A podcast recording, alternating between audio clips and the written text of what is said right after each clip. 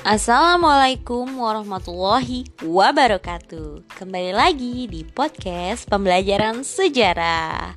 Hari Jumat ini kita akan mempelajari bab terakhir nih Mengenai Perang Dunia Pertama dan juga kedua. Jadi kita akan mempelajari dan membahas mengenai pengaruh Perang Dunia terhadap politik global. Nah podcast kali ini kita akan membagi dua sesi. Yang pertama itu tentang Perang Dunia 1 dan sesi kedua akan menjelaskan Perang Dunia 2. Oke, mari kita mulai. A. Perang Dunia 1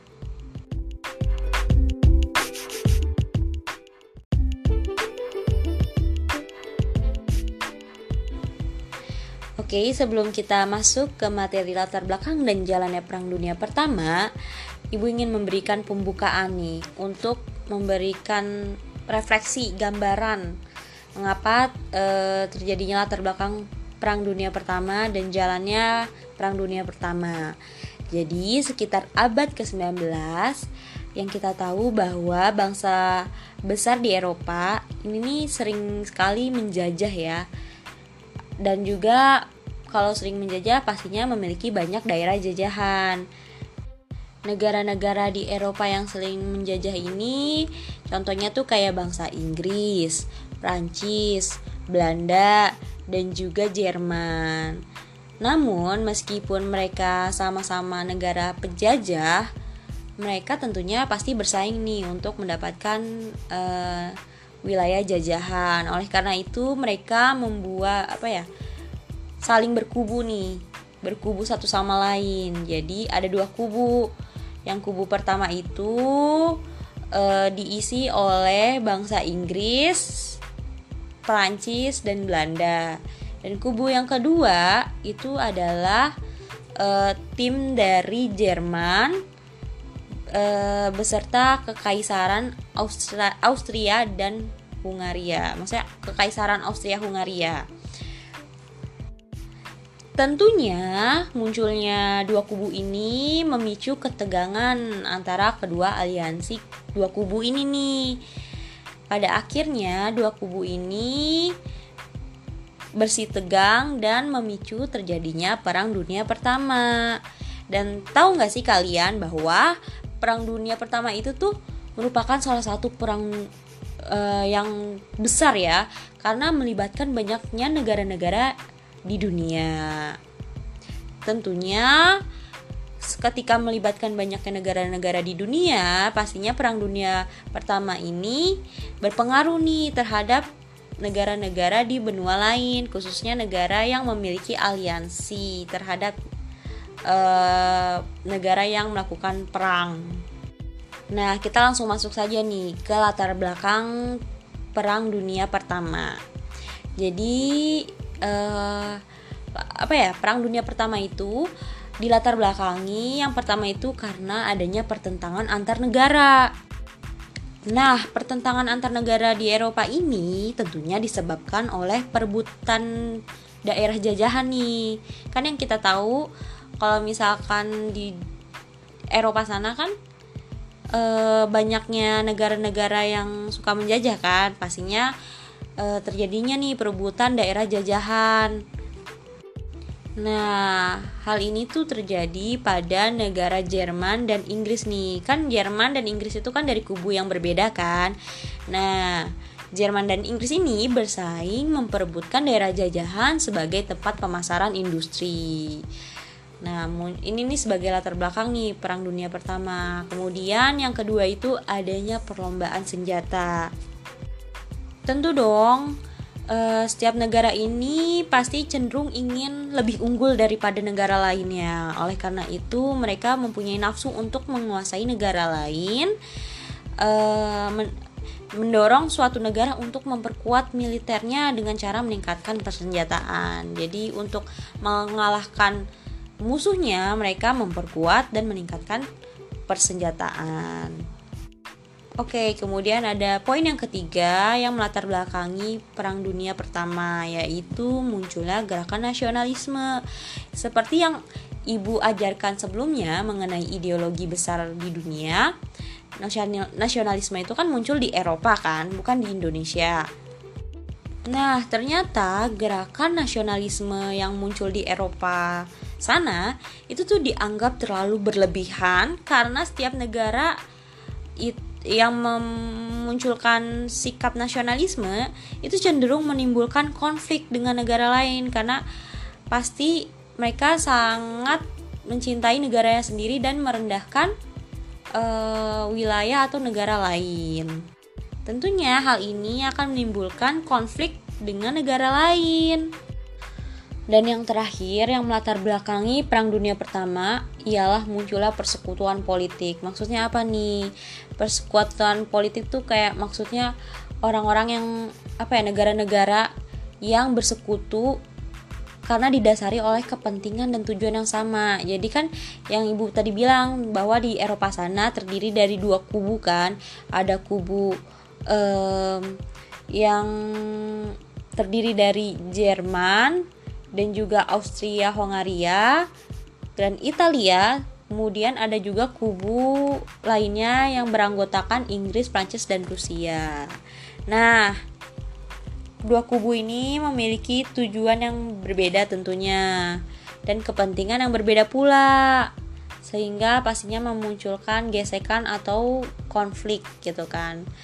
Nah, dua kubu ini mempunyai nama loh. Pertama, Kubu yang pertama itu namanya Triple Alliance. Nah, Triple Alliance ini beranggotakan Jerman, Austria, Austria Hongaria, dan Italia. Kalau trip eh, yang kedua, kubu yang kedua ini namanya Triple NTT. Kalau bahas kalau bahasanya tuh Triple Entity. Nah, Triple Entity ini beranggotakan Inggris, Prancis, dan Rusia.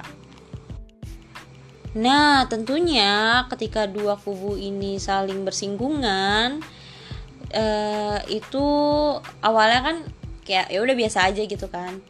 Tapi ternyata eh, ketegangan antara Triple Alliance dan Triple Entente ini akhirnya memuncak nih karena ada sebabnya. Sebabnya itu dikarenakan terbunuhnya pangeran yang namanya Franz Ferdinand.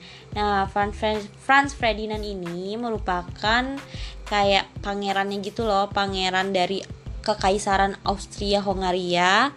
Uh, dan kononnya ini pangeran Franz Ferdinand ini dibunuh nih oleh kaum nasionalis dari Serbia. Jadi kayak dan Serbia itu ternyata uh, bagian dari kubu si uh, Triple NTT. Jadi yang terbunuh itu dari uh, kubu Triple Alliance dan yang si pembunuh ini dari kubu si Triple NTT. Nah, begitu akhirnya dua kubu ini tentunya saling berbentrokan sehingga terjadinya Perang Dunia Pertama. Oke, kita langsung masuk nih ke jalannya Perang Dunia Pertama. Jadi yang kita ketahui bahwa eh, Perang Dunia Pertama ini nih merupakan perang yang melibatkan banyak negara nih di dunia, tapi berpusatnya itu di benua Eropa. Jadi di Perang Dunia Pertama itu sudah menggunakan senjata-senjata canggih dan bahan kimia juga eh, sudah menggunakan siasat perang lah, udah udah canggih banget dah pada zaman itu karena apa ya karena matangnya persiapan untuk perang dunia pertama hingga ketika sudah meledak sudah terjadi perang banyak nih korban yang berjatuhan baik dari tentara sampai masyarakat sipil gitu. Nah, perang dunia pertama itu juga dikenal sebagai perang parit Mengapa demikian? Karena eh, perang dunia ini, perang dunia pertama itu dilakukan di dalam parit. Ya, jadi perang parit itu merupakan strategi utama dalam perang dunia pertama. Jadi para serdadu atau para tentara ini tuh melakukan pertempuran dan hidup uh, selama perang di dalam parit-parit gitu loh. Di dalam sebuah parit. Pokoknya keadaan perang dunia pertama karena dilakukan di dalam parit itu tentunya sangat memprihatinkan kan kondisinya. Karena mereka tuh tentara-tentara itu harus hidup berdampingan dengan para tentara yang telah tewas. Kemudian mereka juga harus bertahan dalam keadaan hujan yang tentunya air hujannya itu kan masuk ke dalam parit dan selalu menggenangi parit tersebut hingga dipenuhi oleh lumpur. Nah, kita langsung masuk saja. Jadi, Perang Dunia Pertama ini dibagi menjadi beberapa zona. Ada tiga zona nih. Yang pertama zona barat, zona timur, dan zona laut. Oke, di zona yang pertama nih, zona barat. Jadi, zona barat ini merupakan medan pertempuran di daerah Eropa Barat, yaitu pertemuan nih antara garis depan antara tentara Jerman dengan tentara Inggris, juga tentara Prancis. Nah, di zona barat ini terjadinya sih perang parit tersebut gitu kan. Kemudian ada zona timur. Di zona timur ini tentara Jerman dan Austria itu versus dengan tentara Rusia. Nah, di sini eh, rakyat Rusia karena apa ya karena pada saat itu Jerman itu sangat kuat jadi pada pertempuran kali ini nih banyak nih rakyat dan tentara Rusia yang terbunuh sehingga pada akhirnya pemerintahan Rusia menghentikan pertempuran ini gitu kan nah di zona laut tentunya juga dilakukan nih terjadi perang juga jadi perang dunia ini kan uh, merupakan perang yang mengarahkan segala daya upaya untuk menangkan baik persenjataan, modal maupun taktik. Jadi selain dilakukan di daratan, juga di uh, medan perang ini juga dilakukan di dalam laut dan banyak loh uh, bukti-buktinya seperti kapal induk, kapal selam, kapal barang dan yang paling terkenal itu adalah kapal selam U-boat yang merupakan kapal selam dari Jerman itu buktinya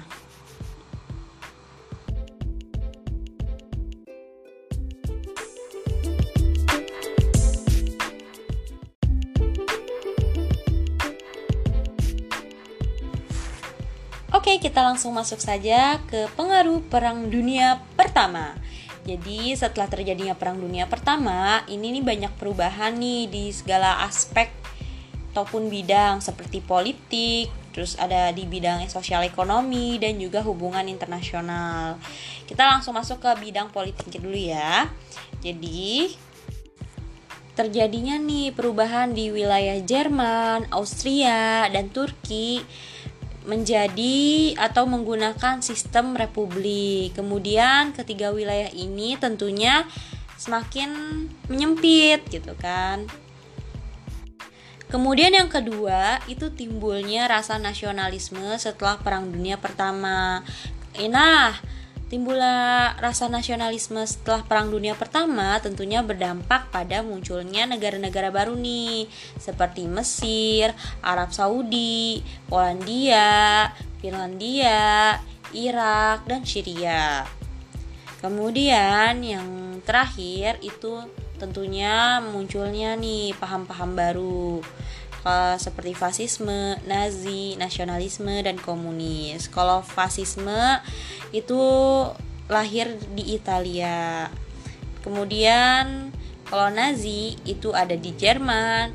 Paham terus yang ketiga itu paham nasionalisme itu juga ada di Turki dan munculnya paham komunis yang ada di Rusia. Oke, kemudian yang kedua itu pengaruh di bidang sosial ekonomi. Tentunya secara fisik kita dapat melihat nih bahwa Perang Dunia Pertama itu membuat berbagai infrastruktur rusak, eh, baik di pusat pusat industri ataupun di daerah pertanian. Tentunya hal ini menyebabkan krisis ekonomi dunia dikarenakan kan infrastrukturnya rusak. Jadi gimana gimana mau memproduksi gitu kan akhirnya terjadinya nih krisis ekonomi dunia. Kemudian rusaknya lahan pertanian nih.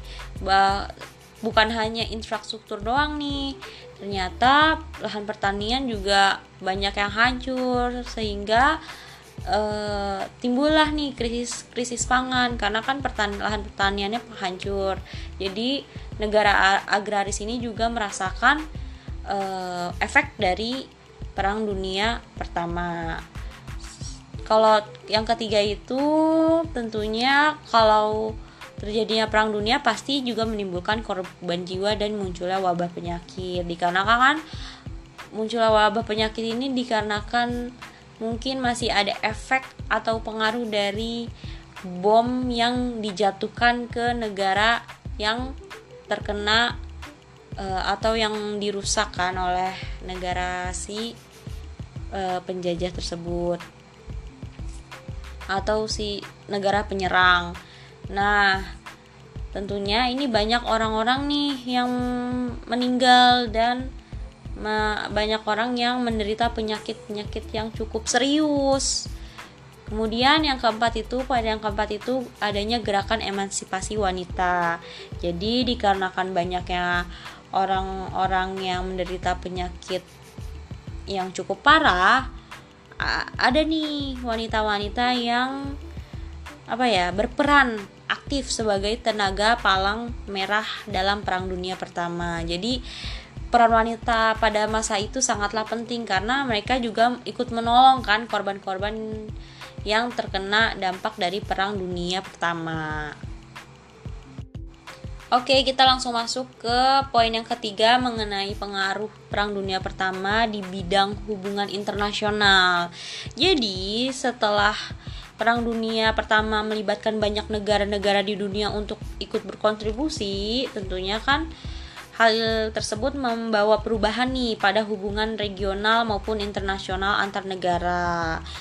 Jadi eh, banyak juga nih negara-negara yang mendapatkan dampak buruk akibat peperangan eh, dari PD pertama atau Perang Dunia Pertama. Nah, Akhirnya dikarenakan mendapatkan dampak yang buruk, tercetusnya nih ide-ide tentang perdamaian dunia. Nah, ide-ide tentang perdamaian dunia itu diwujudkan melalui pembentukan nih sebuah lembaga namanya Liga Bangsa-Bangsa atau Language of Nation. Nah, Language of Nation ini ditujukan untuk mewujudkan perdamaian dunia guna mencegah terjadinya perang. Oke, mungkin cukup sekian nih penjelasan mengenai Perang Dunia Pertama. Kita sudah mempelajari latar belakangnya, jalannya, dan juga bagaimana nih pengaruh Perang Dunia Pertama di bidang politik, sosial ekonomi, dan hubungan internasionalnya. Untuk Perang Dunia Kedua, akan Ibu jelaskan di podcast selanjutnya. Oke, cukup sekian. Wassalamualaikum warahmatullahi wabarakatuh.